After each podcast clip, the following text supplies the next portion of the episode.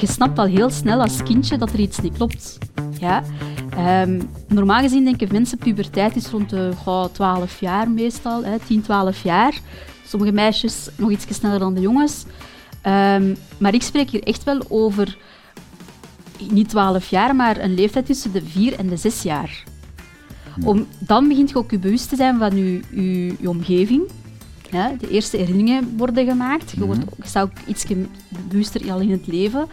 En je snapt al dat er iets niet klopt.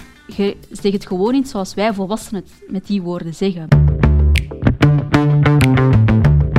Hallo, ik ben Peter Perceval. Welkom bij Keerpunt, een podcast over gewone mensen die buitengewone keuzes maken in hun leven. Mensen zoals u en ik, die uitdagingen, hindernissen, problemen, veranderingen tegenkomen in hun leven en vertellen over de manier waarop ze daarmee zijn omgegaan, omdat het voor iedereen inspirerend kan zijn. Als u nog meer van deze podcast wil zien of horen, abonneer u dan op onze nieuwsbrief op www.inspiringspeech.be. Of volg een van onze kanalen op Vimeo, YouTube, SoundCloud, Spotify, Apple Music of Google Podcast. In deze aflevering hoort u het verhaal van Tara Merger. Tara is adoptiecoach, een praktijk die ze uitbouwde op basis van haar eigen ervaringen. Tara is namelijk geboren in India en werd ondergebracht in het weeshuis van moeder Teresa. Toen ze amper een peuter was, werd ze geadopteerd door een warm gezin uit Vlaams-Brabant. En hoewel haar ouders haar uitstekend opvingen, stelde ze zich toch heel veel vragen tijdens haar jeugd. Daarom ging ze op ontdekkingstocht en ze vond dat heel veel geadopteerden en lotgenoten dezelfde trauma's en vragen hadden als zij. Daarover en over nog veel meer vertelt ze in deze podcast. Welkom Tara. Dag Peter. Ik ben heel blij dat jij hier bent, want Ik ook. voor de allereerste keer in deze podcast, en waarschijnlijk voor de enige keer in welke podcast dan ook, Ja. kan ik spreken met iemand die daadwerkelijk bij een heilige is geweest. Ja, ja, dat is waar. ja, nu, ja, ja, ik sta daar niet bij stil, maar dat is effectief zo, ja. Ik ken een heilige, of ik heb een heilige gekend. Nog, nog straffer, een heilige heeft u aangeraakt, heeft u vastgehad. Ja, ik ben daar zelfs zo een beetje... Als ik mag geloven, was ze met mijn gezicht een beetje de chouchou geweest van de heilige. Ja, Ja. van moeder Teresa, daar hebben we het over. Daar hebben we het over, ja. Ja. Ja, de moeder Teresa. Jij, zat in haar, jij was in haar weeshuis. Ja, in een van haar vele weeshuizen dat ze heeft, ehm, Hmm. ben ik ehm, daar opgegroeid mijn eerste jaren ehm, in het weeshuis van Calcutta. Dat is Hmm. haar hoofdbasis ook geweest, Calcutta. En zij heeft daar dan het weeshuis opgestart, maar die was daar ook niet constant aanwezig. Hè. Ehm, zuster Nirmala was een zuster die de dagdagelijkse leiding had over het weeshuis. En moeder Oké. Teresa was de CEO, hè, ehm, die wel de naam had gegeven en de belangrijkste zaken deed, maar zij was bezig met andere, andere zaken. Hè. Maar ja, Oké, ja, goed. Het is al niet te min. dat zal het niet te winnen. Ja. Dat is toch iets om op uw cv te zetten. Absoluut, en ik heb er bewijs van ook. Hè. De Ja. foto, ik denk dat ik die al eens getoond Je heb aan u. getoond, Ik ja. heb ook film, eh, een stukje film dat dat kan bewijzen. Ehm, ik heb er wel geen echte herinneringen aan en dat vind ik wel heel jammer. Mhm. Ja. Zeg Tara, Mhm. ik begin altijd met de vraag, wat moeten de mensen weten van u om u te kennen? Om te weten wie jij bent? Ja. Vertel dat eens. Ehm, ik denk dat het belangrijk is dat mensen moeten weten van mij dat ik ouder ben dan dat ik eruit zie. heel veel mensen schatten mij maar een jonge twintiger, maar ik ben eigenlijk een jonge dertiger, Ja. bijna veertig, eh, nog twee jaar en vier staat ervoor. Ja. Ik ben 38 jaar. Ehm, ik ben de dochter van een ongekend ouderenpaar Mhm. en de zus van misschien verschillende mensen die ik niet ken. Ik ben de dochter van een gekend ouderenpaar. Eh Luc en Vivian zijn mijn ouders. En ik heb één gekende broer, Stijn. Dat is ehm, hun biologisch kind en ik ben hun aangenomen kind. Ehm, adoptie is de rode draad in mijn leven. Is ook een thema die ehm, ik heel lang heb ehm, verweerd, genegeerd en nog maar vrij recent in mijn leven heb omarmd. Ehm, en ik heb dat omarmd in de vorm van eh, coaching. Ik ben een adoptiecoach. Ik ben de eerste in België die zich zo mag noemen, adoptiecoach. Uh, dat wil niet zeggen dat ik de eerste ben die adoptiecoaching uh, of helpt andere mensen met, met, adoptie. Nee, maar de manier waarop ja. is de eerste keer in België. Um, maar ik ben ook meer dan dat. Ik ben meer dan geadopteerd. Ik heb een passie voor um, reizen als eco-vrijwilliger. Um, ik ben zot van Bollywoodfilms. En ook Hollywoodfilms, maar mee Bollywood. Ja. Ik ben ondernemend ik uh, heb heel veel verschillende projectjes op hetzelfde moment dat ik doe. Uh, dan een, een boek proberen te schrijven. Um, ik ben een dromer die heel veel dromen heeft die dat ze wilt realiseren. En daar doe ik dan ook alles voor om die dan ook te kunnen realiseren. Ja. Um, ik wou heel graag naar Antarctica gaan, om in koud water zwemmen. Dus ik ben vijf jaar in een ijsberenclub geweest om te leren zwemmen. En dat is dan zo'n projectje van mij, waar ik dan heel gepassioneerd in ga en heel diep in ga. Um, en ik haat het om keuzes te maken. ik wou juist zeggen, van waar komt dat van dat allemaal te combineren? Ik haat dat echt. Ja? Ja, um, dat is niet van de missing, uh, fear of missing out of zo. Mm -hmm. Ik heb zoiets van, waarom moet je keuzes maken? Waarom kun je het niet alle twee krijgen? Misschien gaat het dan niet direct op die manier hebben, als je echt één bepaalde keuze moet maken. Um, en daar dan ook moet voor gaan. Maar ik heb zoiets van, je kunt ook misschien op een andere manier er naartoe werken. Het is dan niet misschien op een snelle manier of hoe dat je dat verwacht, maar je, je kunt er geraken. Dus hmm. waarom zou ik dat direct naast mij moeten leggen als ze zeggen dat is niet haalbaar? Nee. Je geeft ook les op de, op de vliegschool? Uh, ja, um, dat is in, in hoofdberoep. Hè. Adoptiecoaches in bijberoep. Ja. Um, ik, ik, geef, um, ik werk bij een flight academy in Steenokkerzeel voor civiele piloten. En ja, dat is effectief, als je de droom hebt om piloot te worden, dan moet je bij ons komen en dan leiden wij je op tot een deftige piloot. En wat doe je daar? Ik ben daar deel uh, mee de studentadministratie. Oké. Ja, um, ik nu is, mij, uh, is dat veranderd vanwege COVID, is het ook sneller gegaan, het proces. Het selectieproces, dat was mijn taak vooral. Hè. Ah, ja. uh, iemand had een droom, schreef de school aan van uh, ik wil graag piloot worden, wat moet ik doen? En dan was het mijn taak om uit te leggen, dat is het selectieproces. De test zelf, de dag ja, dat je komt, legde ik uit, verbeterde ik. Ik maakte een soort dossier van je op. Dat kwam dan voor een jury van uh, piloten en management. Zij beslisten dan aan de hand van de punten en de cv dat ze moesten schrijven of dat die persoon oké was om de training te mogen starten, de opleiding van twee jaar. Een soort auditor eigenlijk. Ja, ja, dat, je dat is... Uh, ja. Goed. Dat is gewoon maar om het beeld te schetsen, want er is heel veel te vertellen, Tara. Ja. Je, bent, uh, je bent dus opgegroeid in India en je bent ook opgegroeid in... Uh, uh, waar, waar was dat precies? Zemst. je, in Tims? Zemst. In Zemst. Ja, in Zemst. boerengat. Zemst tussen Mechelen en Vilvoorde. Ja. En hoe oud was je toen je in België aankwam? Um, wel, en nu ga ik even zo doen. Officieel hè, um, was ik twee jaar, bijna twee jaar mm oud, uh, 18 maand.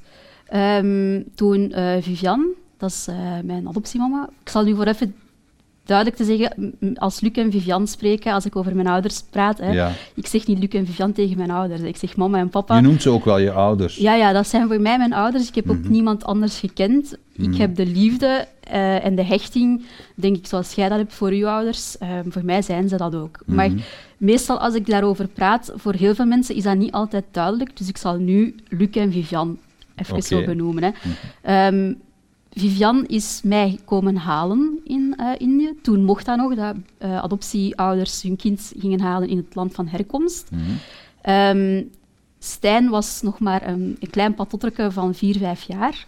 Mijn papa is bij Stijn gebleven um, en ik denk dat hij ook toen niet zoveel verlof kon krijgen.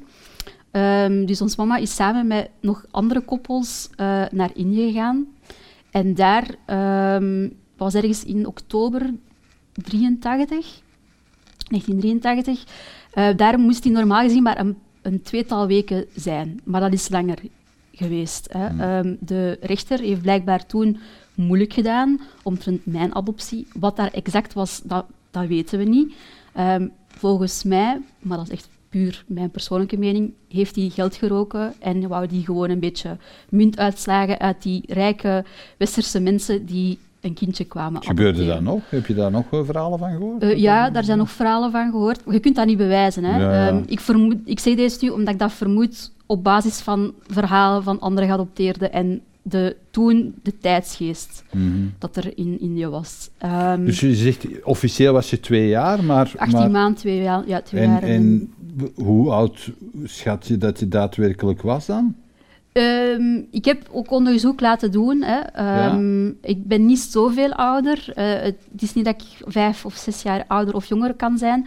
Um, het gaat hier over maanden. Maar het gaat dan wel over, en dat is dan de moeilijkheid, de verhalen die je meekrijgt en de, de tijd in het verhaal kan ergens rond januari, december zijn. Dus er kan een, een, een nieuwjaarswisseling zijn. Ja.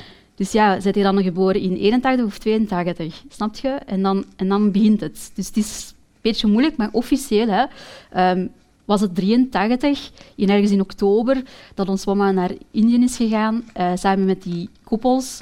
Um, en dat was voor haar geen fijne tijd, ondanks het feit dat ze wel haar kindje, waar ze zo lang hadden opgewacht, ging halen.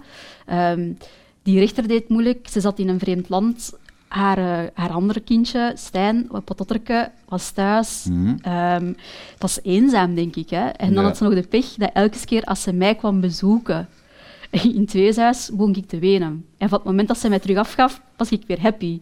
Ja, ik had ik nog nooit een blanke gezien.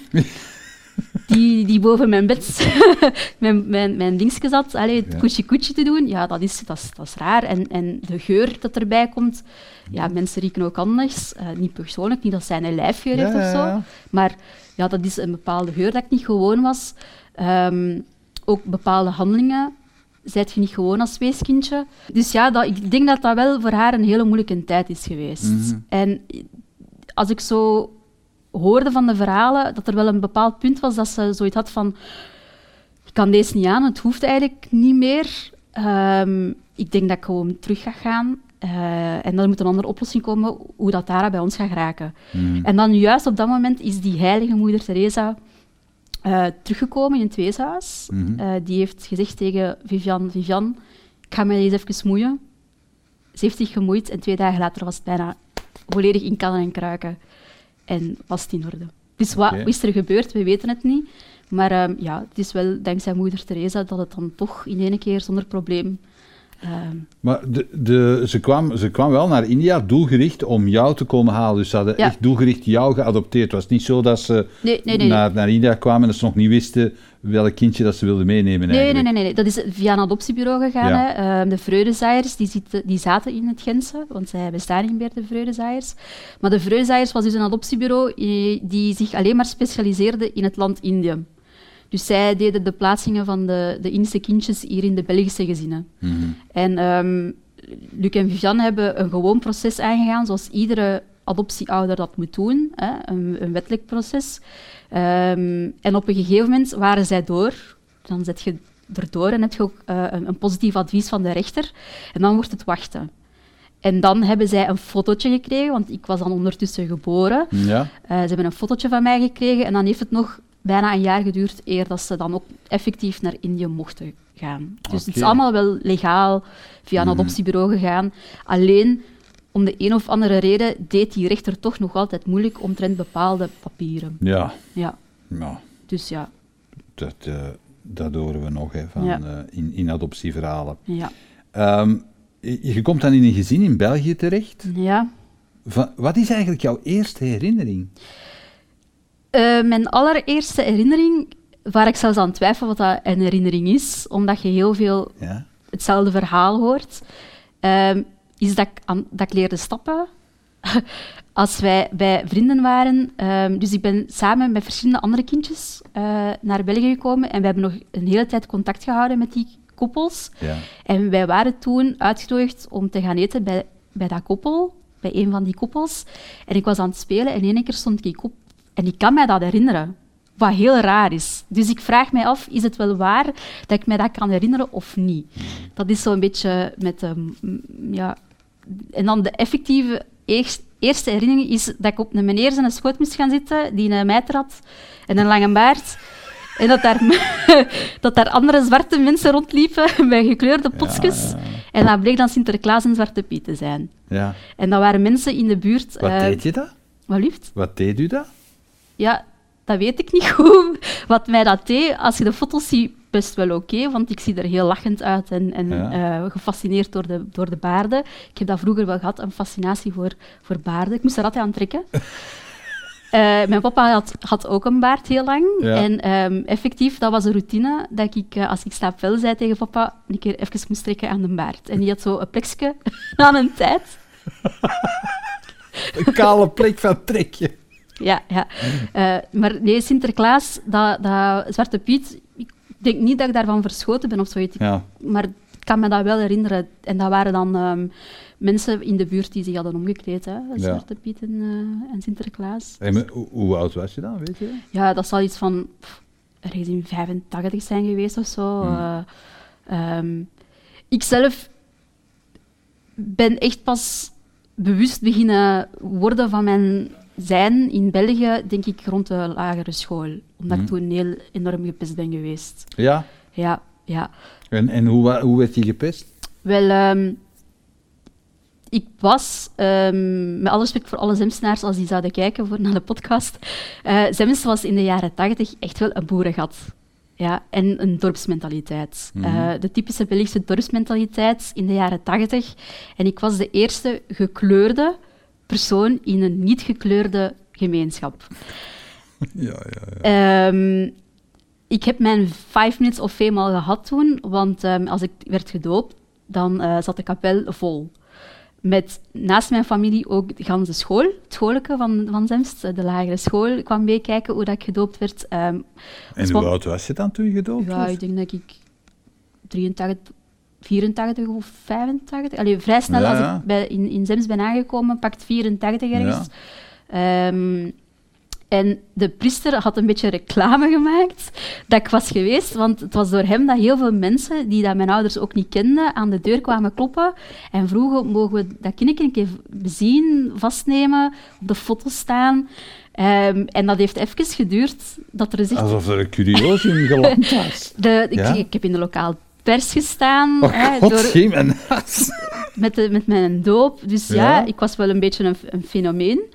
Ehm, maar dat heeft dan ook wel de keerzijde gehad dat ehm, als het zo het fenomeen weggeëpt was hè, en het kindje moest naar het schoolke gaan, dat het eh, blijkbaar niet zo evident was voor sommige mensen om hun kinderen in dezelfde klas te zetten met mij. Nu, gelukkig, ehm, langs beide kanten van mijn ouders zijn mijn grootouders best wel prominente mensen geweest in Zemst. En de school stond achter mijn grootouders en achter onze familie. Ja, en hebben ja. toen gezegd van, sorry, hè, het is te nemen of te laten, anders ga je maar vier dorpen verder je kleine in, in de school zetten. Hè. Wat je niet doet, uiteraard. Ehm, en ja, ik ben toch wel gepest geweest en dan is dat kinderlijk pesten, maar kinderlijk pesten is het hardste, want die zijn dood eerlijk. Die snappen alleen nog niet hoe zwaar een woord kan zijn in kwetsend dan, hè, in kwetsende vorm. En dat ging dan over eh, chocopot tot ehm, ehm, ja, je hebt u niet gewassen. Ik had heel graag banaantjes en dan was dat, hé, de naap is weer bananen aan het eten. Ehm, er was toen ook een reclameke, Chiquita Banana, dat was een merk. Ja, ja. Ehm, Nog altijd, hè. Ja, ja, dat is dat nog altijd. Ja. Eh, en dan begonnen die Chiquita Banana te zingen. Ehm, dat was heel storend. En ik snapte niet goed waarom dat ze mij pesten. Want thuis, ik kom uit een heel lief, warm gezin. Ook familie, groter, nichten, neven, onkels. Ehm, die aanvaarden mij allemaal. En dan, dan in één keer werd ik gepest. En ehm, ik werd niet constant gepest. En ik snapte dat dan niet goed, want die, die pesters, dat werden dan ook wel ergens toch nog kameraadjes, want ik speelde daar wel voetbal mee op, op, op pleintje. En ehm, die werden wel uitgenodigd op mijn verjaardagsfeestje, en ik ook. En toch werd ik gepest, en dat was heel moeilijk. En ehm, ja, op dat moment, als kindje, begin je ook te beseffen, hier klopt iets niet. Ik ben zwart, mama en papa zijn wit. Ik zie daar mama en papa tegen. Mijn broer is ook wit. Ehm, wat klopt er hier niet?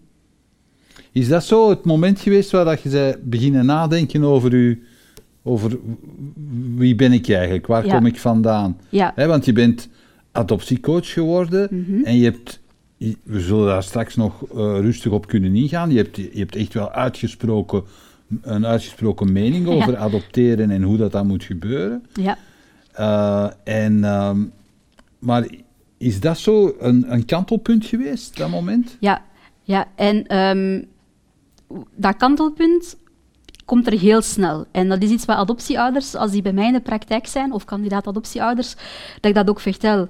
Wat veel mensen niet weten, en, uh, en dat is normaal dat je dat niet weet, geadopteerd hebben een vervroegde puberteit.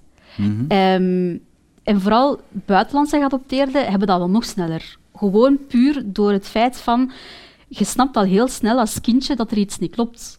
Ja? Um, normaal gezien denken mensen puberteit is rond de oh, 12 jaar meestal, hè, 10, 12 jaar. Sommige meisjes nog iets sneller dan de jongens. Um, maar ik spreek hier echt wel over niet 12 jaar, maar een leeftijd tussen de 4 en de 6 jaar. Om, dan begint je ook je bewust te zijn van je, je, je omgeving. Ja, de eerste herinneringen worden gemaakt. Je, wordt, je staat ook iets bewuster al in het leven. En je snapt al dat er iets niet klopt je zegt het gewoon niet zoals wij volwassenen het met die woorden zeggen. Um, Hoe zeg je het dan wel? Ja, kindjes, uh, ja, ik, ik zei het uh, zoals hij zei, uh, ik ben zwart, ik ben een choco en mama en papa zijn platte kaas. Mm -hmm. in de woorden dat je gepest wordt, ehm, in de woorden dat je oh, in dat moment leert, al hebt, ge, hebt geleerd misschien. Mm -hmm. um, en je beseft dan, dat is eigenlijk een moment, een schakelmoment, dat je beseft dat er iets niet klopt. En je leert dan ook, omdat je naar het schoolke gaat, leert je ook um, over de maatschappij. Je leert dat er een mama en papa is. Je leert dat er um, rijk en arm is in de wereld. Je leert dat je voor sommige landen een vlieger moet nemen en heel lang op een vlieger moet zitten voordat je daar dan bent. Je leert over de wereld.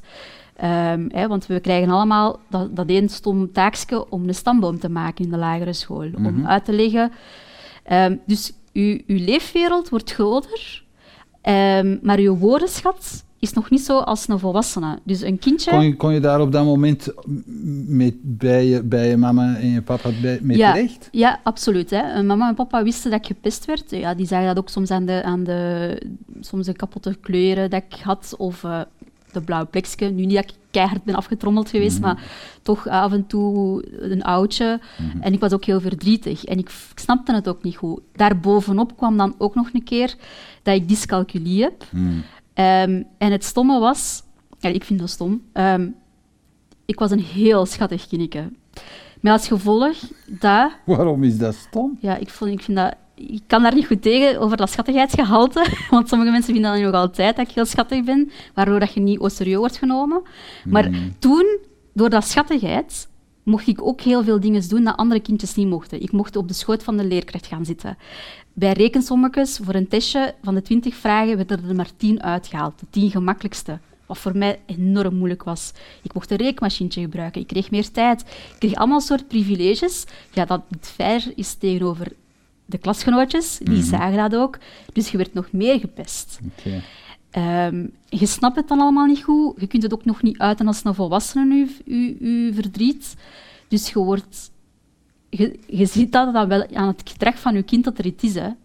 En um, mijn ouders zijn... Ons mama is zelfs in de lagere school een keer komen praten over, over adoptie en over anders zijn. Um, om mij te helpen. Om die pesters te tonen van, kijk, hey, dat is En had dat effect? Uh, ja, wij zaten toen al in het vijfde leerjaar. Ja, dat had een beetje effect, maar nu in het vijfde leerjaar begon iedereen te veranderen.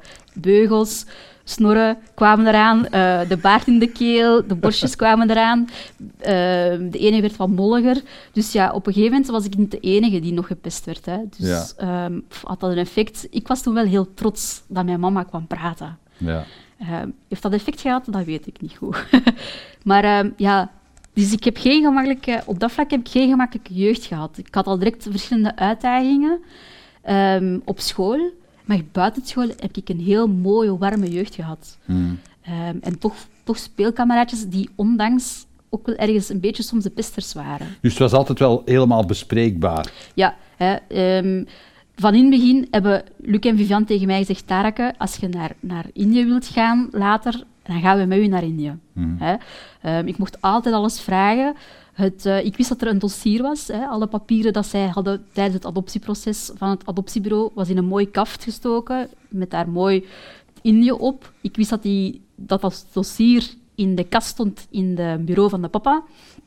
Als ik dat wou zien, dan mocht ik daarin zien. Ehm, ik weet nog dat ons mama wierstokjes had meegenomen uit India. En als ik echt heel, heel triestig was, heel, heel braaf, en ik moest beloond worden, dan mocht ik een wierrookstokje aansteken. Ja, mama stak dan wel aan en ik mocht dat dan vasthouden. En dat was... Wauw. En dat was meestal als ik heel triestig was. En, ehm, en welke, welke wierookstokjes waren het? Ja, dat zijn zo van die hele kleine speciaal wierookstokjes dat ze gebruiken in ceremonies. Ja, maar in, welke geur was dat dan? Um, ja, het zit in allerlei geuren, hè? Ik denk dat dat sandelhout was. Ja. Mijn mix van typische... Ja, allee, Ik kan nu niet direct zeggen welke geur, maar het is niet zo de wierook, de lange stokjes. Het zijn zo kleine mini-sigaretjes, precies. Mhm. Ehm, en dat, ja, dat was fantastisch, hè. En dan was er het moment... Dus in de lagere school heb ik daar heel hard mee gestruggeld. Hè. Het feit dat ik geadopteerd was, niet in de mate van... Oh, ik ben geadopteerd, maar in de mate waarom pesten ze mij? Mhm. En waarom ben ik zo bruin? Ik weet dat ik een keer zelfs um, een bot heb gepakt en ben beginnen schrapen. Op je ehm, eigen vel? Ja, maar ja, ik, dat was echt een bot mes, hè. Ja. Um, omdat ik, dat, ik, dat, dat, ja, dat, dat ik wit wou zijn. Um, ik was toen al wel in het vijfde leerjaar of zesde leerjaar hoor. Um, ja, dat was, dat was een, een laagtepunt op dat vlak, omdat ik het echt zo beu was. Um, en dan was ik ook bezig van mijn, mijn echte ouders. Hè. Dan ben, ik was al wat ouder. ik had het van, wie zijn mijn echte ouders? Denken die aan mij? Zijn die mij ook aan het zoeken? Of zouden die niet aan het zoeken zijn? En waarom zouden ze dan niet aan het zoeken zijn? de typische clichévragen. Heb ik de ogen van, van papa? Heb ik mhm. de, de, de lippen van mama? Ehm, ja, dat was moeilijk. En die vragen heb ik nooit geuit naar Luc en Vivian toe, maar ik zat er wel mee. Ja. En toen is, er, um, is moeder Teresa gestorven. Die is een maand na Diana gestorven. En ik was razend van binnen. Want zij was de sleutel naar al mijn vragen, de key to my secret. Ehm, en zij was gestorven. En ik had ze niet meer gezien sinds ik baby was. En uh, wij zouden normaal gezien naar Indië zijn gegaan, maar op het moment dat mijn ouders met mij wouden gaan, had ik niet verbaal geuit dat ik daar geen interesse in had. Dus zij hebben dat zo gelaten. Wat hun perfect recht was, hè, want ik vroeg Maar je was toen 15, 16 jaar? Ja, ja, ik vroeg er ook niet, niet, niet naar. Hè. Ik, ik had verdriet van binnen, maar ik, ik zei het niet. Um, dus zij hebben dat dan zo gelaten. En dan sterft zij. Potverdekken. Toen ben ik zo triestig geweest. Um, en ik heb toen ook bewust in mijn hoofd mijn biologische ouders doodgemaakt. Ik wou, ik wou daar niet meer aan denken. Ik werd zot van verdriet. Um, en ik ik voelde ook dat ik, dat, ik, dat ik een beetje... Dus je zegt nu, je hebt ze bewust doodgemaakt, je hebt een verhaal geconstrueerd waarin die overleden waren. Ja, ja hè, uh, geadopteerden maken heel vaak een verhaal als je effectief niet weet. Hè. Je, hebt, mm -hmm. geadopteerden die wel herinneringen hebben, die wel iets weten. Ik ben een geadopteerde die niks wist. Hè. Um, geen naam, geen foto, um, alleen effectief mijn geboortedatum. Toen werd dat nog niet in twijfel getrokken, die, die geboortedatum. Um, dus ja, ik had het verhaaltje gekregen van, van Vivian. Vivian had een verhaal gekregen van zuster Nirmala en moeder Teresa hè, uh, over de reden van afstand. Mm -hmm. um, dat heb ik een beetje mijn eigen gemaakt. Maar ja, als je niet, niet veel andere feiten hebt die kunnen bevestigen wat je denkt, ja, dan ga je fantaseren. Hè. Um, maar uiteindelijk zijn het wel te weten gekomen hoe het in elkaar zat. Nee, nee, nee, nee, nog, nee? nee, nog niet. Uh, ik, ik heb een fantasie, hè, zoals iedereen. En um, ik heb toen als kindje de fantasie gemaakt voor mijn eigen, en dat is vrij typisch voor geadopteerd. Ofwel ga je zeggen, mijn ouders, mijn biologische ouders, zijn rijke mensen. En het is vanwege rijkheid, en je vult het dan zelf maar in, dat ze mij hebben afgegeven. Mm -hmm. um, of ze zijn arm. En daarom hebben ze mij afgegeven. Hmm. En dan denkt je het logische, ah ja, Indië is een arm land, dus je gaat naar het arme concept. En ehm, je maakt je dat zo eigen. En fantasie, zolang dat je niet hebt gevonden, je biologische ouders, dan leven die in je fantasie. En een fantasie is, is krachtig, positief, maar ook negatief. En ehm, ik maakte mijn eigen zot door vragen te stellen, zijn ze mij aan het zoeken? Zouden die ook verdrietig zijn? Ehm, of zouden ze helemaal niet verdrietig zijn? Zouden ze blij zijn? Maar waarom zouden ze dan blij zijn? Want ze hebben toch hun kindje... En zo constant, dag in, dag uit, dat is vermoeiend. Hè? Ja. En dan nog het pestgedrag erbij, de dyscalculie dat erbij kwam, dat voor leerstoornissen zorgde. Het werd mij allemaal een beetje veel. En de enige die mij kon helpen was moeder Teresa. Dat hield mij sterk. Ik ga die ooit zien. We gaan die zien en ik ga alles kunnen zeggen. En zij zal magisch alles oplossen, wat, wat, wat natuurlijk niet is. Maar dat, dat, dat denk je dan. Die sterft en dan sterven uw ouders mee. Hè. Hm. In uw fantasie. Allee, ik heb ze toch bewust doodgemaakt. Ja. Ja. Ehm, op uw vraag, weet je dan nu wat dat effectief is? Ja? Nee. Ik eh, ben ondertussen al verschillende keren terug naar Indië gegaan als volwassene. En ik heb eh, verschillende versies gekregen. Ehm, met al dan niet bewijzen. Waar daardoor ik ook ben beginnen twijfelen aan de oprechtheid van mijn ehm, geboortedatum. Ehm, de allereerste keer dat ik terug was in Indië, ehm, ben ik niet naar mijn weeshuis geweest. Dan heb ik gewoon Indië gezien als eh, een toerist. Wat mij ook een beetje tegen de borst stuitte, want dat was mijn land, maar ook weer niet. En toen heb ik Begreep je de mens? Ja en nee, wat ook heel raar is. Hmm. Ehm, ik had heel veel gelezen omtrent cultuur, want ik wou niet ehm, fouten maken. Hè. Ik wou mensen niet chaufferen door iets te doen dat niet kan. Ik weet ook, vrouwen in de Indische maatschappij hebben een andere bepaalde status, mogen bepaalde dingen niet doen. Dus, ehm, en ik wou ook niet echt een toerist zijn in mijn land. Dus ik heb daar veel gelezen over wat doet je, wat mocht je niet doen. Maar ja, dat was heel toeristisch. Ik geef dat toe. dat was met Thomas Cook eh, een zeer eh, rijke reis. Hè, hot, chique hotels, Ja. airco-bus. Ik zat daar met eh 20 Limburgers, 60-plussers. Dat was een foute boeking. Die dachten allemaal dat ik eerste gids was. ik was de gids. Ik heb je daar echt twee dagen moeten van overtuigen. Ik ben de gids niet. Ik ben Die gewoon maar... dachten ook allemaal dat jij Urdu of Hindi Ja, sprak. en ik ben, die- ja, en ik sprak het niet. Ik, ik, sprak, ik sprak Engels, maar Engels is ook een hoofdtaal van India. Ja. Maar ehm, het, Werd je dan ook aangesproken in, in het Urdu of in ja, Hindi? Ja, heel vaak. Ehm, en dan, dan antwoord ik gewoon in het Engels. En in het begin... ehm sommigen keken heel raar op, anderen niet, want eh, Engels is een hoofdtaal. Mhm. Maar zij zagen ook wel direct aan mij dat ik een westerse Indiër ben. Dat ik geen echte Indiër ben. In mijn, ik zal het zo noemen, geen echte Indiër in de zin van dat ik niet, ben, eh, dat ik niet leef in de Indische maatschappij. Ah, ja. Dat ik leef in een westerse maatschappij. Want ik doe al dingen sowieso dat ik niet kan controleren, dat mij verklikt. Ik zie dat nu ook. Ik kan echt zien of dat ik met een echte Indiër bezig ben of dat ik met een geadopteerde in, Indiër bezig ben of een Indiër in de westerse maatschappij. Om bijvoorbeeld, ik kijk nu recht in uw ogen als ik met u babbel, een echt Indisch meisje zou dat nooit doen. Ehm, met een wandel, door gewoon uw stap, kan ik ook al detecteren van, aha, dat is hier een die dat westers is opgevoed, of eh een dat hier echt Indisch opgevoed Echt, is. ja? Ja. Ja. Dat is zo gecodeerd. ja, Amai. ja, ehm, als wij wandelen, wij strekken, jullie, hè, de westerse mensen, strekken hun, hun, hun knieën vrij hard als ze, als ze een stap nemen.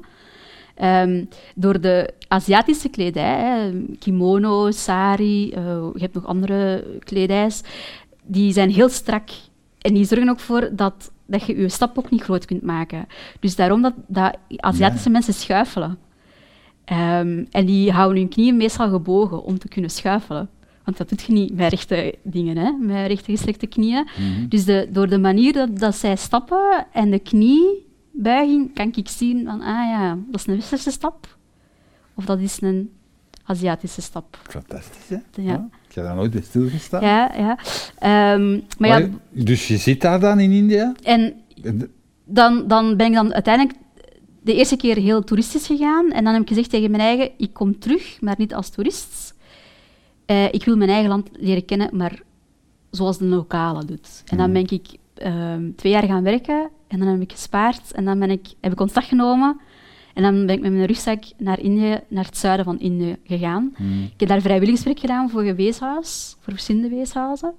Ehm, ik heb het land leren kennen op de lokale manier. Uh, een beetje de taal leren kennen, zo van die basiswoordjes. Ehm, en toen had ik zoiets van, dit had mijn leven kunnen zijn, had ik niet geadopteerd geweest. Het leven van die kinderen in die weeshuizen. Ja, in die weeshuizen, maar ook denken van, had ik, had ik niet afgestaan geweest, dat dit had mijn leven kunnen zijn in een Indisch gezin. Mhm. Dit had mijn leven kunnen zijn, had ik niet had er niet een, een afstand geweest. Was je daar dan boos over of, nee, of verdrietig? Ik was daar verdrietig voor, maar ook soms happy. Van, oh, chance dat ik in, in een westers meisje ben. Want wat voor privileges dat wij westerse meisjes hebben, of Mhm. westerse kinderen, mensen gewoon in het algemeen, tegenover bepaalde zaken. hè. Het kassensysteem is daar nog altijd aanwezig. Dat zorgt ook heel, voor, heel veel voor eh, veiligheid in die kassensysteem. Je weet waar je plaats kunt zien in de maatschappij, hoe dat het eruit ziet, maar dat, dat zorgt ook voor die grenzen. Ehm, educatiegewijs. Ehm, meisjes worden nog heel snel uitgehuwd. Ehm, geen kans op eh, educatie. Ja. Zo'n zaken. Dan denk je van, ik ben daar aan ontsnapt. ja. Ik ben echt ehm, dankbaar ergens ook dat ik nu het leven heb dat ik, dat ik nu heb. Hè. Ehm, Zie maar, je bent je dan heel bewust ben je, ben je gaan, gaan kiezen om, om adoptiecoach te worden. ja, ja, dat heeft lang geduurd, maar uiteindelijk ben ik dat dan toch geworden, ja. En, en van waar komt dat engagement? Waar, Dat wa- is- Waarom heb je daarvoor gekozen? Eh, dat is een lang verhaal, maar ik ga het proberen kort te houden. Ehm, tijdens mijn, mijn... Dus in mijn, in mijn lagere school werd ik gepest. Mhm. In mijn middelbaar heb ik adoptie genegeerd. Dan was voor mij het enige belangrijke om te leren in hoe godsnaam de mens in elkaar zit, en vooral de mannen. Want ja, de liefde komt eraan, de eerste liefde hè, in uw middelbaar. Ehm, je- de puberteit, de gewone puberteit dat iedereen heeft, daar heb ik ook mee gesukkeld. Ehm, maar het is pas daarna, als jonge volwassene in de hogeschool, dat ik nood had aan lotsgenoten. Ook andere Indiërs geadopteerden te leren kennen. Zaten die ook met diezelfde vragen, gevoelens. Ja. Ehm, en de Vreudezaaiers, het adoptiebureau, had een jeugdwerking, Spinnenwiel. En dat waren allemaal Indische geadopteerde eh, Vlamingen, eh, die zich af en toe een keer bijeenkwamen, eh, gezellig iets deden. Ik ben daar toen mee ingestapt in, dat, in, in Spinnenwiel. En daar waren er mensen van mijn leeftijd en die stonden veel verder met hun adoptieproces. Die waren al naar Indië geweest, er waren die dat konden ko Indisch koken. Mijn passie voor Bollywood is daar begonnen, want die Ja. Bollywoodfilms, die wisten hoe dat je een saai moest aandoen. En zij zijn beginnen, dat beginnen te voeden. Mhm.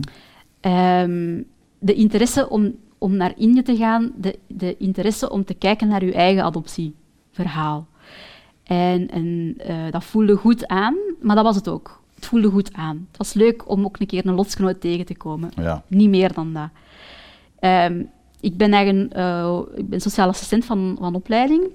En ik ben naar een school gegaan, sociale hogeschool, die dat werkte met het systeem. Twee keer in de week ga je naar de les, fulltime dan, die twee dagen. En de andere drie dagen doet je stage. Ja. En in mijn laatste jaar heb ik onbewust, ik weet niet goed waarom, ben ik, ehm, heb ik gekozen voor ehm, een adoptiebureau. En ik weet nog, ik had een lijst van adoptiebureaus voor mij en ik, heb daar, ik haat bellen. En ik heb me toen een namiddag mij daar moeten echt aanzetten.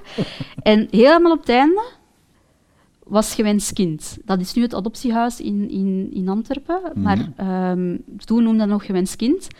En ik bel daarnaar met echt geen enkel moed niet meer. Ik dacht van, ja, dat gaat weer een nee zijn. En ehm, er neemt iemand op. Die stelt zich voor als, ja, ik ben Jo Labes, de directeur. En eh, ik doe mijn pitchje hè, om te vragen, mag ik stage bij u komen doen? En die reageert heel slecht. In zo niets enthousiast. en ik denk van, ja, hier gaat mijn kans hè, om toch nog iets te, Ja? te doen rond adoptie. En die zegt helemaal op het einde, mag ik nu iets vragen? Ja. Ehm, ga, ik heb uw verhalen gehoord en het klonk alsof dat ik een nee ging krijgen. En dan zegt hij, zijt jij geadopteerd? Ik denk, ja. Ja, maar dan is het goed, hè. Kom maar langs, het is in orde. En ik zo, wat, wat, wat? Ik, Ja. Ehm, En het is eigenlijk Jo die ehm, drie maanden in mijn stage, begin stagetijd, zei, Taraka, op het moment dat je hier afgestudeerd bent, kun jij bij mij beginnen. Die zag in mij iets wat ik niet zag. Hij was ook de eerste persoon naast mijn ouders die iets in mij hadden gezien dat ik niet zag. En hij, hij heeft... Heeft hij dat benoemd? Nee. Hm? Nee. Ehm, Maar heeft wel een baard. Kom eraan tikken.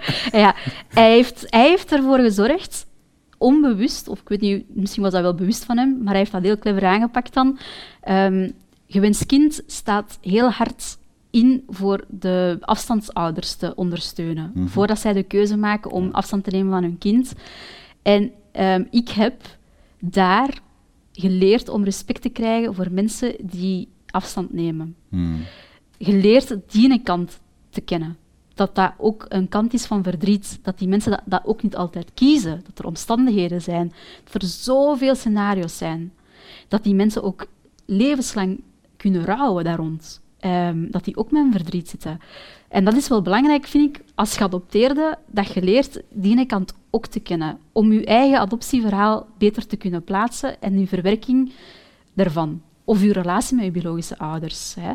Dat heeft echt wel een keerpunt geweest voor mij ook, die stage. En het feit dat iemand in mij geloofde op zo'n manier, dat was wauw. En dat heeft er ook voor gezorgd. Hij heeft toen een zaadje geplant in mijn hoofd. Ehm, ik heb dat tien jaar lang genegeerd, dat zaadje, zelfs langer. En gezegd, joh, zevert niet. Nee, ik ga niks doen met adoptie. Ehm, dat hoeft voor mij niet. Ehm, het is goed zo. En hij heeft altijd gezegd, jij gaat ooit tegen mij zeggen, joh, je hebt gelijk.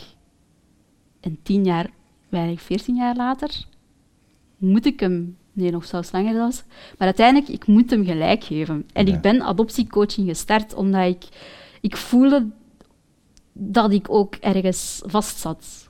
En mijn keerpunt... Jijzelf. Ja, het is mijn keerpunt, het grote keerpunt in mijn leven, die er echt het in mijn gezicht heeft gedrukt. hè. Het was in my face, ik kon het niet meer negeren. Wat was dat dan? Eh, liefdesverdriet is de, is, het, is de druppel geweest en een trigger geweest voor een identiteitscrisis. En ik heb die op late leeftijd gekregen. Ik heb die pas in mijn der- begin dertig gekregen.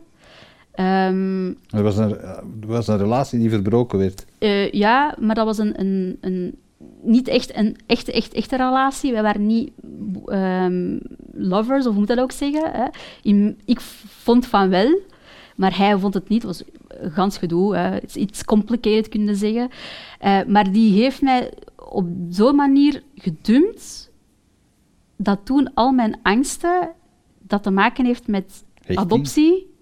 Nee, geen hechting. Ehm, Dat is meer bindingsangst en verlatingsangst. Maar Ah, ja. vooral verlatingsangst. Dat ik nooit zo had gezien en gevoeld. Hè, ik zag het niet, dat ik dat had, is naar boven gekomen. En ik ben eigenlijk gehertraumatiseerd. Ehm, en hij is een trigger daarvan, van die hertraumatisering. Ehm, ik heb vijf jaar lang heel diep gezeten, heel donker gezeten. Maar ik kon dat toen niet benoemen als identiteitscrisis. Dat was gewoon, ik was depressief.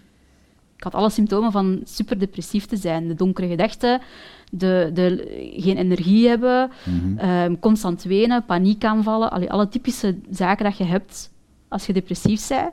Heel veel mensen dachten ook, ja, dat is liefdesverdriet. Eh, en kom aan, Tara herpakt u. Ja. Maar ik wist dat er iets meer zat. Ik kon het gewoon toen niet benoemen. En het is pas later, als ik dan beslist heb om coach te worden, heb ik ook moeten hers- herstuderen. Hè. Ik ben naar life coach, familiecoach gegaan. Eh, ik heb een rouwcursus gevolgd. En daardoor zag ik in één keer allemaal inzichten van, ah, maar, maar dat, is- dat is dat. En daarom doe ik dit. En daarom is dat. En oh my god. ja, hij spreekt heel expliciet van eh, adoptie als een rouwproces. Hè? Ja, ja. Adoptie is in mijn ogen rouwen. Ligt dat eens uit? iedereen in de adoptie rouwt. Hè. Je hebt de biologische ouders die rouwen omdat ze hebben afstand genomen van hun kind. Je hebt de adoptieouders die rouwen omdat ze hun eigen eh, biologische DNA niet kunnen verder planten. hè. Mhm. Dat gaat niet. Ehm, en geadopteerden rouwen om gemiste kansen. En als ze hebben gevonden, worden die gemiste kansen weer bevestigd. Dat Mhm. dat gemiste kansen zijn. Ja. Dus dat is eigenlijk rouwen. Maar rouwen is niet altijd negatief. Hè. Dat is ook niet dat wij nooit gelukkig kunnen zijn en geen happy momenten hebben. Nee, rouwen is gewoon een proces dat je doormaakt om verdriet te kunnen verwerken. Oké. Eh, verdriet zijn de emoties, rouwen zijn alle kleine handelingen dat je doet om dat verdriet te kunnen verwerken. Hè. Wij, wij maken een begrafenis mee, wij kleden ons in het zwart, een kaarsje aansteken, ehm, eenderd wat je doet van ritueel, dat is rouwen. Mhm. Om je verdriet te kunnen verwerken. Oké. En ik vind dat als je... Ik heb heel veel geadopteerden die, die bij mij komen en die gefrustreerd zoekende zijn. Niet altijd zoekende naar biologische familie, maar die niet weten hoe dat het verder moet. Ze zitten geblokkeerd in hun, in hun emoties ehm, en ze hebben geen manier van aanpak. Als je rouw pakt als je basis, dan kun je ook een soort actieplan opstellen. Een gericht actieplan waar dat je controle kunt, kunt nemen over ik ga deze stap bewust doen. Maar eerst moet je die rouw doormaken. Ja, en eerst moeten we ook beseffen dat je aan het trouwen zijn. Heel veel mensen hebben, als ik daarmee afkom, zeggen rouwen, ik? Maar nee, jij. Als ik het dan uitleg, en ik heb daar een schema voor, dan in één keer zeggen ze, zeggen bijna echt iedereen van, oh, je hebt een punt daar. Ik zit met een verdriet. Ze koppelen het gewoon niet aan rouwen, maar ze beseffen dat ze een verdriet hebben. Je bent dan, als je daarover spreekt, ben je ook redelijk, eh, eh, ja, hoe moet ik dat zeggen, hard, maar ik bedoel dat niet negatief, Mhm. maar echt eh, zeer, zeer confronterend tegenover mensen die willen adopteren ook. Ja, ehm, omdat ik vind dat er een te rooskleurig beeld over adoptie is, ofwel een te slecht beeld over adoptie. Er is geen realistisch beeld over adoptie. En dat wordt gestaafd door de media, dat wordt gevoed door de media. Ehm, en dat is ook een tijdsgeest ehm, dat daarmee inspeelt. Maar Leg dat eens uit, een tijdsgeest, wat wil je daarmee zeggen? ja, v- nu moet ik oppassen wat ik zeg, want ik wil niemand chaufferen. Eh, vroeger dachten heel veel mensen, ah, de mantel der liefde zal er wel voor zorgen dat die geadopteerde goed gehecht zal worden. We, Ja. we verde- allee, verdoezelen eigenlijk het verdriet ervan. Hè. Als er iets is met dat kindje, genoeg liefde geven en dat zal wel overgaan. Dat, dat, dat is toch maar een baby, no way dat die Is getraumatiseerd dat is. dan ook omdat de, eh, de mensen denken van ja, hé, als, je, als, het, als het fout loopt met een geadopteerde, dan ligt, dat, dan, dan, dan, dan ligt er ergens een schuld bij dat adoptiegezin? Is dat Ja, daarom ook? ook, ja, ook. hè. Dan is dat, oh, het is niet goed gehecht, maar het is vaak dan het probleem van dat het de geadopteerde het probleem is en niet, Ah, niet de ouders. Ja, ja, hè. ja. Want de ouders hebben toch alles gedaan wat ze konden en het probleem ligt bij de geadopteerde, want zij, hij heeft zich, of zij, heeft zich niet goed aangepast. Hmm, hè. Ja. Ehm, nu ook de tijdgeest van vroeger omtrent ehm, trauma is ook anders. Hè. Ehm, nu weet men ook al ergens dat een kindje in de buik ook al een trauma kan oplopen als de mama een traumatische voorval heeft, een situatie. hè. Eh, ik geloof daar ook in, hè, dat dat al van in de buik begint. Eh, dus een tijdgeest zorgt er ook voor dat je een andere mening gaat hebben over opvoeden. Hmm. En ehm, media gaat ook dat, dat, dat beeld steunen. Dat is de, het gevaar van het eenzijdig verhaal. Hè? Als je altijd maar één bepaald soort verhaal hoort en dat wordt gesteund met dezelfde foto's en beelden, ja, dan gaat je dat ook denken. Logisch. Hè? Dus iedereen ziet altijd die arme beelden van al die arme kindjes in de wereld. Die, dat is ook zo, ik ga dat niet ontkennen. Hè? Maar niet elk kindje dat je op straat ziet in een derde wereldland is een weeskindje. Het is geen, het is geen shoppingmall voor, Dat is voor het. Dus mensen ja. hebben een verkeerd beeld. En nu moet ik even heel hard zijn en misschien heel grof. Maar we, dan spreek ik echt over aanbod en vraag. Hè. Mhm. Mensen denken er is heel veel aanbod, dus de vraag stijgt. Hè. Ehm, ook hier in de westerse wereld, de mensen beginnen ook later nu aan kinderen. Waardoor dat het ook biologisch moeilijker wordt. Hè. Als je al op je 40ste je eerste kindje krijgt, dat is al iets anders dan als je op je 20 je eerste kindje kreeg. Mhm. Dus vroeger was het nooit normaal dat je in je 20 al als vrouw kindjes kreeg. Nu is het al oké dat je in je 30, zelfs al je 40 kindjes krijgt. Het is ook een tijdsgeestmentaliteit dat verandert. Ehm, dus ja, dat, dat zorgt er dan ook voor dat je een verkeerd beeld gaat krijgen van vraag en aanbod.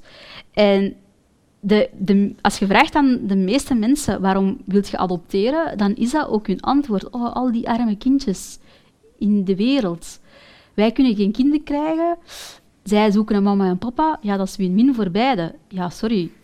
Maar als je vanuit die motivatie zou adopteren, dan adopteert je uit een vorm van barmhartigheid. En barmhartigheid brengt dankbaarheid met zich mee. Dat is fout.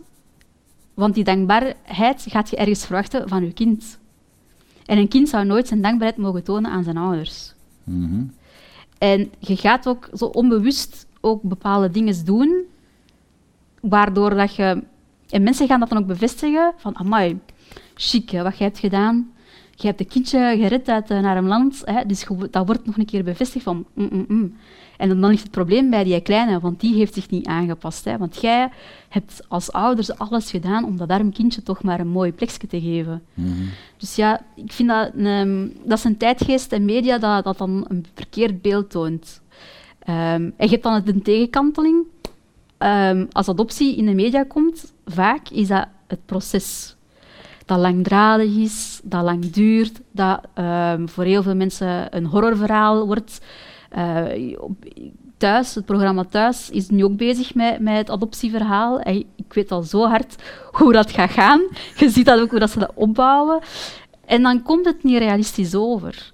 Ja, ze krijgen een onderzoek. Ja, er moeten vragen worden gesteld. Ja, die zijn soms heel privé. Maar niet altijd zoals ze op tv komen. Dat, omdat het is ook maar drama Mhm. voor kijkcijfers. Dus ja, ik vind dat een hele moeilijke. Waardoor dat mensen nu soms met motivatie adopteren. Zeggen tegen hun eigen, we zijn goed voorbereid. We weten waaraan we beginnen. En dan komen die met mij. en dan... ehm, ik geef dat toe, ik ben hard, omdat ik dat wil doorprikken. Om, je hebt een, een, een, een verkeerd beeld van opvoeden dan in je hoofd ergens. En dat gaat een effect hebben op de geadopteerde, maar ook op, op u als relatie, Ja. als gezinsstructuur. Komen daar conflicten van soms? Met, met, In het begin wel, ja. hè. Aspirant adoptieouders? absoluut. Ik heb soms mensen die zoiets hebben van... Slik, wat zeg jij hier, Tara? Ik, ik weet dat ook. Ik zeg u dat ook. Ik weet dat ik u nu even, even een slik ga geven. eh, of even, eh, bij wijze van spreken, een oorveeg, verbaal. Maar ik doe dat bewust. En je gaat mij straks snappen waarom ik dat doe. En dan effectief, naarmate dat de sessies gaan en verlopen, zeggen die zelf van... We hadden die een wake-up call nodig. Want wij dachten effectief dat wij goed voorbereid waren. Maar nu beseffen we hoe, hoe slecht dat we voorbereid waren. En hoe onzeker dat we hadden geweest, hadden we deze informatie niet gekregen. Dus nu staat hun, is hun veerkracht als ouders of toekomstige ouders krachtiger. En gaan ze ook soms minder hard twijfelen aan het kind. Hè, ehm, mijn taak als adoptiecoach is de mensen, eender wie, hè, van wie dat er bij mij komt, ehm, of het nu een geadopteerde is, of een kandidaatsouder, of een ouder, mijn taak is, in mijn ogen, die mensen leren op tijd hun adoptiebril op te zetten, maar ook om op tijd terug af te zetten. Mm. En als je dat kunt, dan ga je ook dat kind zien voor wat het kind is op sommige, in, in bepaalde situaties. Soms is dat kind ook maar gewoon een kind, hè, dat reageert. Maar op sommige vlakken is dat ook de adoptieverleden dat spreekt. Het trauma dat spreekt. En als je dat dan niet, niet, niet goed aanpakt, ja, dan is het effect te groot. En je kunt dat niet zomaar terugdraaien, dat effect. En dat even terug in orde Ja, brengen. ja. Je zit met een mens bezig. Ja. En dat is belangrijk. Maar ja, ik weet dat, ik ben hard. eh, Krijg jij ook eh, ado- eh, geadopteerden eh, Ja. over de vloer? Ja, ja mijn, eigenlijk, eh, het meeste van mijn klanten zijn kandidaat adoptieouders, maar het andere gedeelte is wel de geadopteerde, ja. En die komen bij jou terecht als ze ergens eh, in, in een doodlopende straat terechtkomen, als ze, als ze niet goed weten waarop Ja. en waaraf. Ja, ehm, je hebt, ik heb verschillende situaties. Je hebt, je hebt geadopteerden die, naar- die komen en die zeggen echt specifiek, kijk Tara, ik wil mijn biologische familie zoeken. Of ik heb gezocht en het resultaat is niet iets waar ik had van gehoopt dat het was en ik heb daar problemen mee. Eh, emotioneel of praktisch, eh, dat kan ook. Ehm, en je hebt dan geadopteerden die komen en die zijn verdrietig, gefrustreerd, zoekende. Ehm, of die hebben stoornissen, eetstoornissen, uh, leerstoornis. Ehm, wij uh, hebben problemen met, met relaties aan te gaan. Ehm, problemen soms in hechting. Het kan een beetje van alles zijn eigenlijk.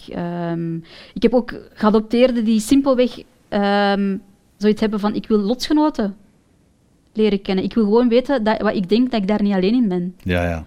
Dus mhm. ik heb eigenlijk... Uh, ik heb nu gisteren nog um, een hele tijd gepraat met ook een partner van een geadopteerde. De geadopteerde had geen probleem. Het was de partner die vond dat, dat het soms het adoptieaspect toch wel in zijn relatie naar boven kwam en de relatie blokkeerde en daardoor de communicatie heel vaak stroef ging. En klopte het? Ehm, ja, ja, absoluut. Want hij ervaart dat ook. Hmm. Zo. Of dat dat nu effectief... Ik ga niet zeggen, wat jij tegen mij vertelt, dat dat niet klopt. Hmm. Want jij ervaart dat zo. Dus voor u is dat een waarheid. Oké. Ik ga ook niet zeggen tegen de mensen van, kijk, deze moet je nu effectief ehm, voelen en zeggen en denken om een goede geadopteerde te zijn of om een goede adoptieouder te zijn. Nee, nee, want zo werkt het niet. Ik, ehm, ik leer gewoon mensen ik neem die mee in de mindset van de geadopteerde, de adoptieouders. Mhm. En ik, leer, ik neem de geadopteerde mee in de mindset van andere geadopteerden, om hen te tonen van, kijk, je bent niet alleen in die gedachten. Ehm, maar iedere, ieder kind is uniek. Uh, elk gezin heeft zijn eigen manier van communiceren, uh, gedachtegang, opvoedkunde. Zou je zelf ooit kinderen willen? Nee, ik heb ehm, geen kinderwens. En dat is ook iets heel, wat mij heel hard heeft gestruggeld. Hè? Uh, want ik dacht dat ik dat had. Mhm. Dat is ook waarom dat mijn keerpunt zo diep zat. Hè? Die gast had in mijn ogen, want ik was een midden dertiger al, hè, um, mij dat ontnomen. Ik dacht echt, ik wil deze. Ik wil het huisje, tuintje, uh, kindje concept. Dat gebeurt en ik besef eigenlijk dat ik dat niet wou. Eigenlijk, voor mijn keerpunt was ik een pleaser. Ik mm. please, en heel veel geadopteerden pleasen, uit schrik van verlatingsangst of bindingsangst. En ik besefte niet hoe hard ik dat deed. Um, met als gevolg, dat gebeurt, ik word mij daarvan bewust, maar dat, dat zoeken naar je eigen. Hè.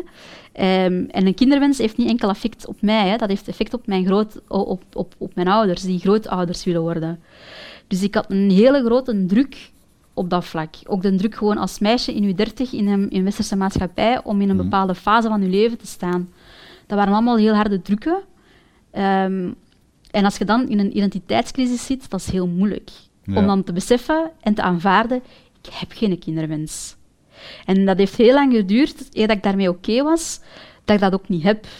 En dat dat best oké is. Mijn broer heeft gelukkig nu al drie kleinkinderen gegeven aan mijn ouders. ja. Oh, de eerste keer dat ik hoorde dat mijn, mijn broer papa werd, wat een verademing was dat.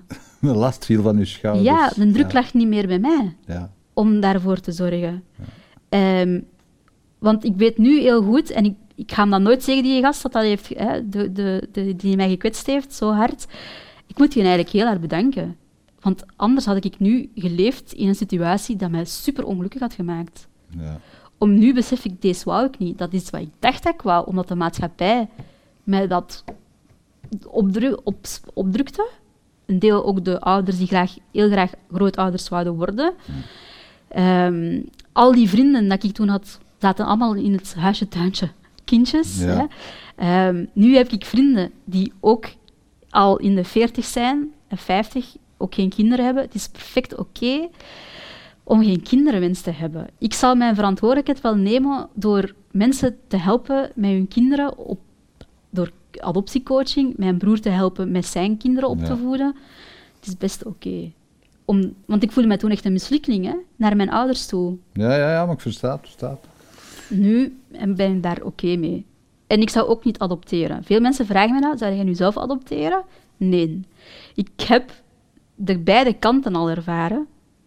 En dat klinkt nu heel cru, hè, en je mag me daar niet verkeerd in verstaan voor mensen die willen adopteren, echt niet. Um, maar daar zit te veel verdriet achter. Ja. En te veel trauma. Dat ik dat niet wil aandoen aan een ander kind. Die verantwoordelijkheid wil ik niet nemen. Ja. Wat ik niet wil zeggen dat adoptie fout is. Hè. Want sommige mensen denken dat dan. Dat adoptie is niet fout. Alleen de motivatie van waaruit dat je adopteert, moet een goede motivatie zijn. Als je nu zou terugkijken naar, naar jezelf als je 15, 16 was en zo, met al die vragen zat, wat zou je dan zeggen tegen jezelf? Um, ik zou zeggen tegen mezelf, Tara, je pad dat gaan lopen zijn, of aan het bewandelen zijn nu als 14-jarige of tiener, hè, gaat nog heel hard zijn, nog heel woelig, nog heel eenzaam. Dat gaat heel verkeerd aanvoelen, dat pad. Maar dat is niet het verkeerde pad. Dat is het correcte pad. Je gaat dat moeten doormaken om te beseffen wie dat je echt bent.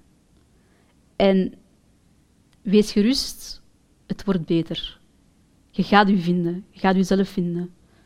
Je hebt het gevoel dat je het niet gaat vinden, maar je gaat je eigen vinden. Oké, dat zijn mooie woorden om op af te sluiten. Tara? Allee dan.